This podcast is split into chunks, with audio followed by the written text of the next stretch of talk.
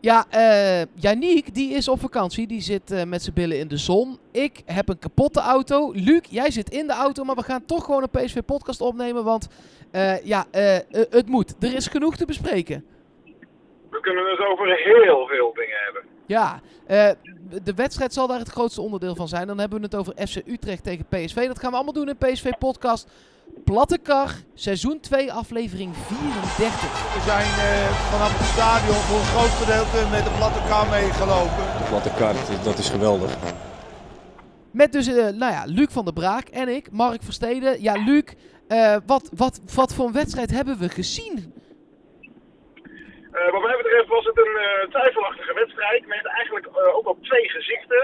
Ehm, ik moet je zeggen dat ik een, uh, week of twee geleden echt uh, ja, ja, niet kon begrijpen uh, hoe Ajax punten kon laten liggen, wetende dat PSV dat ook had gedaan. ik zei het gisteren ook al tegen jou, want we waren samen bij die wedstrijd in de Galgenwaard.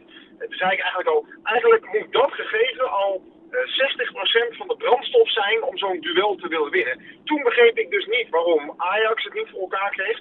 Maar ik snap nu een beetje hoe ja, supporters van Ajax zich toen gevoeld moeten hebben. Want ik begreep, zeker in die eerste helft, niet zo goed waarom PSV het niet voor elkaar kon krijgen. Waarbij wel aangetekend moet worden dat Dick Advocaat het in de eerste helft echt prima had staan bij Utrecht. Uh, want ik vond met name hun middenveld, ja, dat overklast, uh, overklaste PSV wat mij betreft op alle drie de posities. Ik weet niet hoe jij dat hebt gezien.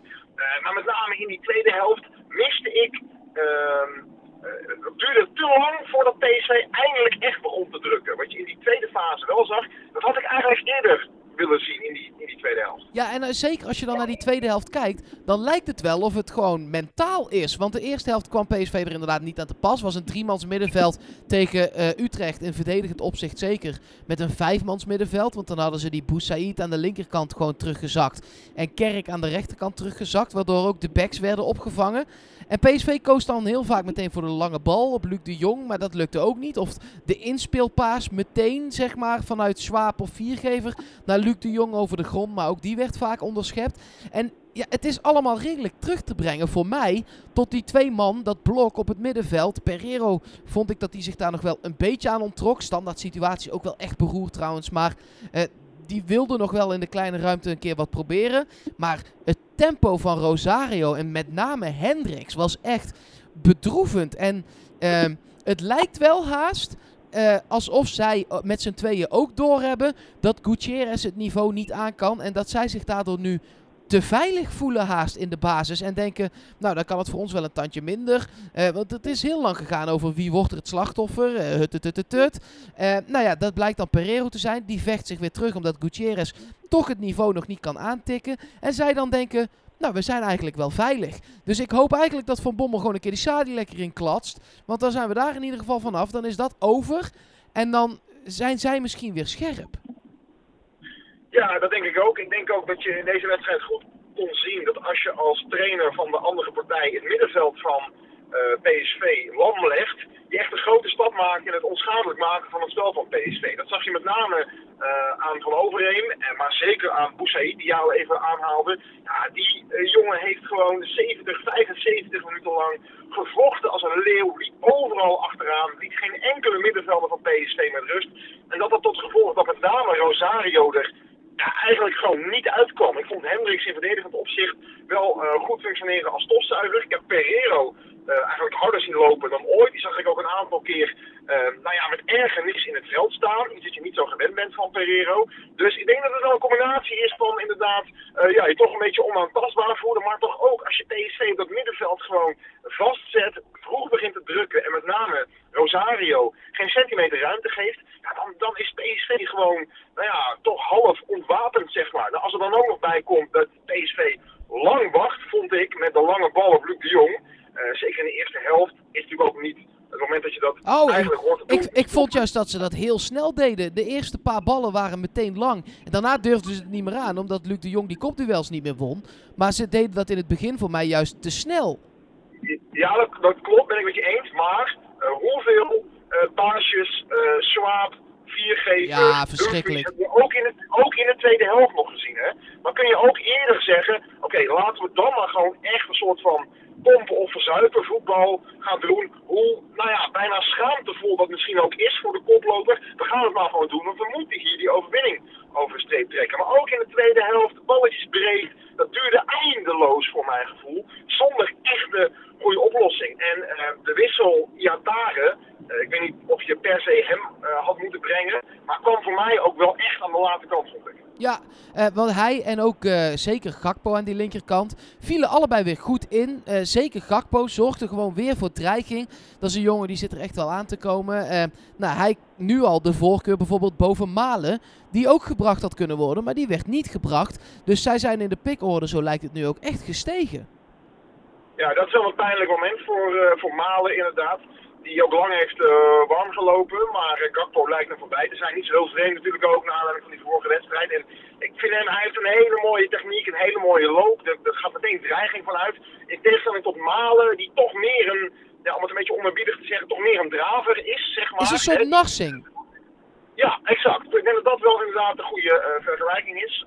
maar ja, ik ben wel benieuwd hoe die jongens elkaar scherp houden. Maar ik denk dat PSV zich ook gezegend moet voelen met het feit dat er zoveel ja, aanvallende mogelijkheden zijn. Ik bedoel, de jongens lopen over elkaar heen uh, om hun debuut te maken. Vandaag nog Jawel Peru, uh, spits van jong PSV, die ook zegt, nou ik zou heel graag dit seizoen nog eens een keer hè, een debuut willen maken voor PSV 1 onder Mark van Bommel. Uh, kan dat ook. En ik denk wel dat dat goed is voor de strijd en het elkaar scherp houden. En dat is misschien iets wat op het middenveld dan toch een beetje ontbreekt. Omdat inderdaad Gutierrez daar een paar keer ja, toch wat is tegengevallen. Misschien dat die jongens daar zich toch zekerder voelen van hun plek. Daar waar je in de aanval uh, echt wel ja, de hete adem in je nek voelt. Want vergeet het te vermelden, Van Bergwijn een hele zwakke wedstrijd spelen. Misschien dat die wel te vroeg gebracht is.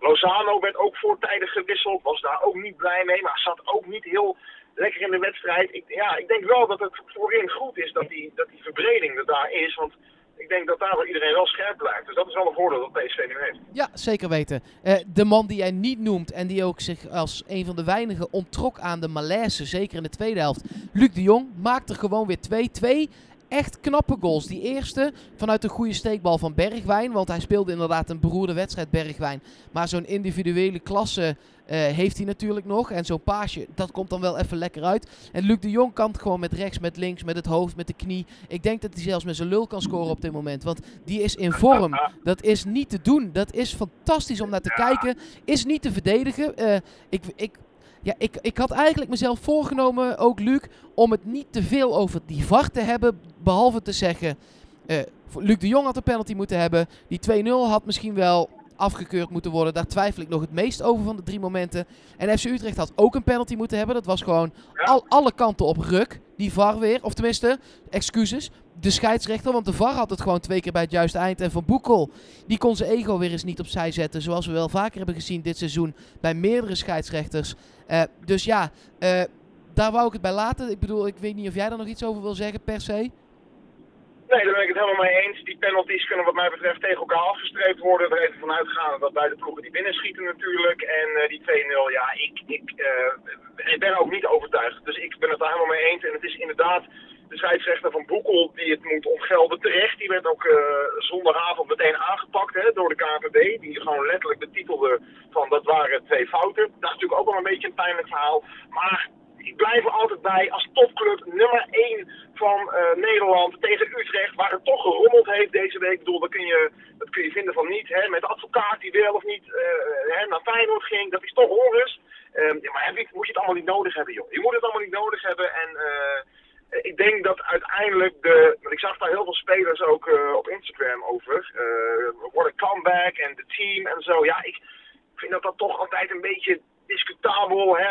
Blij zijn met zo'n gelijk spel. Maar dat is dan wel, wat mij betreft, een positief punt dat je uit de wedstrijd kunt lichten. Die veerkracht die PSV eind tweede helft toonde. Hè, we moeten hem maken. En die, die, die tweede van de Jong, dat is echt een spitse goal ultima forma. Als, ja. je, als je in een boekje moet tekenen, wat is nou een goede spitsengoal, is het dat. Goede voorzet, straat van Dumfries. Hij komt voor zijn man, glijdt hem perfect binnen. Het is echt Luc de Jong zoals in zijn eerste kampioensjaar bij PSV, vind ik. En dat is echt wel lekker om te zien. Ja, zeker weten. Hij stijgt uh, ver boven alle PSV'ers uit de afgelopen dag. En dan hebben we zoveel kritiek en dan vergeten we haast dat we gewoon een punt zijn uitgelopen op de concurrent. Daar is het nog veel meer paniek dan bij PSV, waar inderdaad uh, bij de spelers helemaal geen paniek is. En dat is ook goed, want het is gewoon wel echt een team, wat jij net al zei. Uh, dus ja, eigenlijk hebben we een heel goed weekend gehad. Maar het had een fantastisch weekend kunnen zijn. Dat is het dan niet geworden. Uh, en dat mag PSV zichzelf aanrekenen. Want de volgende wedstrijd is weer een lastige uitwedstrijd tegen gewoon een angstgekner, Herenveen. Ja, dat is zeker niet makkelijk. PSV heeft het daar uh, traditioneel lastig, zoals je dan uh, behoort te zeggen. Ik kan me nog herinneren dat ik daar voor een droeverloze 1-1 wel eens naartoe ben uh, geweest. Nee, dat is helemaal waar. En wat je zegt over Ajax klopt ook. die had je de knock-out kunnen toedienen. Nu heb je een klap gegeven waar ze licht van duizelen. Maar ja, weet je, zij zien natuurlijk ook nog wel de potentie. Hè? PSV komt nog een keer naar Amsterdam. Nou, dat, dat zullen zij toch een soort van uh, kat in bakkie moment zien, hè? om daar drie punten in te lopen. Dus PSV het inderdaad ergens anders laat liggen, kan het alsnog heel erg spannend worden natuurlijk. Maar het grote verschil, wat mij betreft, tussen Ajax en PSV is wel dat ik Ajax echt los zand vind. Dat zijn individuen uh, ja, die met elkaar in een team spelen, maar die totaal niet uh, met elkaar lijken te willen spelen op dit moment. En PSV is wel echt een, een hecht team. Dat zijn, zijn meer teamspelers dan de individualisten van, uh, van Ajax. En ik denk dat op de lange termijn daar PSV wel gewoon echt meer aan gaat hebben. Um, maar ja, blijf naar jezelf kijken en Heerenveen uit. Ja, ik vind dat is geen reden tot de drie punten groep, zeg maar. Nee, nee, we gaan aanstaande vrijdag natuurlijk in aflevering 35 van deze podcast uitgebreid voorbeschouwen op die wedstrijd tegen Heerenveen. Want echt wel een angstgekner, maar over, daarover dan dus meer. Uh, nog heel even wat, uh, wat zijnieuws van vandaag. De reserves van PSV hebben een wedstrijd gespeeld tegen Royal Antwerp FC. Dat is een Belgische ploeg. Uh, daarin is het gelijk geworden. Doelpuntloos, niet gescoord. Uh, even de namen van PSV die dan gespeeld hebben. Rome op doel, achterin Behic, Soulas. Uh, Daverveld wisselde Soulas af in de rust. Obispo heeft 63 minuten gemaakt. En na die 63 minuten kwam Lonwijk, Sadilek en Rigo 90 minuten. Iatare 77. Voor hem kwam uh, Abdul Hak, sorry, Ab Boeklal, ik moet het goed zeggen, in de ploeg. Gutierrez heeft 90 minuten gespeeld. Mauro een helft. Ramselaar een helft. En Gakpo en Malen 90 minuten. Een, uh, een besloten oefenwedstrijd dus om die jongens nog even wat, uh, wat speeltijd te geven. Ik denk dat ze dat vaker zouden kunnen doen. Dat soort wedstrijden. Misschien ja. gebeurt dat ook wel hoor. Maar het kan helemaal geen kwaad. Zeker nu we niet meer Europees spelen of dat soort dingen. Hè? Want Ajax mag deze week gewoon tegen Real aantreden. Dat hadden we graag zelf ook gedaan. Maar doe dan maar dit soort wedstrijden. Want dan kunnen die jongens toch spelen. Want dat kan bij jong PSV allemaal niet meer. Nee, ik denk ook voornamelijk dat daar wel uh, uh, iets achter zit. Dat is natuurlijk waar PSV, uh, met name via de mond van Bommel, veel over, nou ja, klaagt niet, maar aandraagt. Hè. wij zouden graag drie dispensatiespelers bijvoorbeeld willen toevoegen, of kunnen toevoegen aan het jong team. Zodat je bijvoorbeeld een B-Heach, die officieel niet mag uitkomen voor jong PSV, toch minuten kunt laten maken in uh, de keukenkampioen-divisie. Daar zijn natuurlijk nu heel veel vergaderingen over. Er gaan heel veel stemmen over op. Hoe moet dat? Uh, is dat nou wel of niet uh, toegestaan? Moeten we dat wel willen? Is dan natuurlijk de vraag vanuit de clubs uit de eerste divisie. Ik denk dat dit toch ook wel een soort van statement van PSV is. Dat ze maken van ja, als wij in, in eigen land zeg maar niet de mogelijkheid krijgen om onze ja, wat oudere spelers die niet veel spelen toch minuten te laten maken. Ja, dan moeten we maar dit soort oplossingen gaan zoeken. Dus ik vind het, een goede zet van PSV. En wellicht dat het ook mogelijkheden gaat geven uh, in de toekomst om ja, die jongens wat meer uh, in Nederland aan het spelen te laten toekomen. Want dat zou natuurlijk voor met name de topclubs wel een uitkomst kunnen zijn. Ja, precies. Dan het laatste dingetje. Uh, Jimmy Floyd Hasselbank zit tegenwoordig af en toe bij VTBL. Nieuw voetbalpraatprogramma op RTL 7.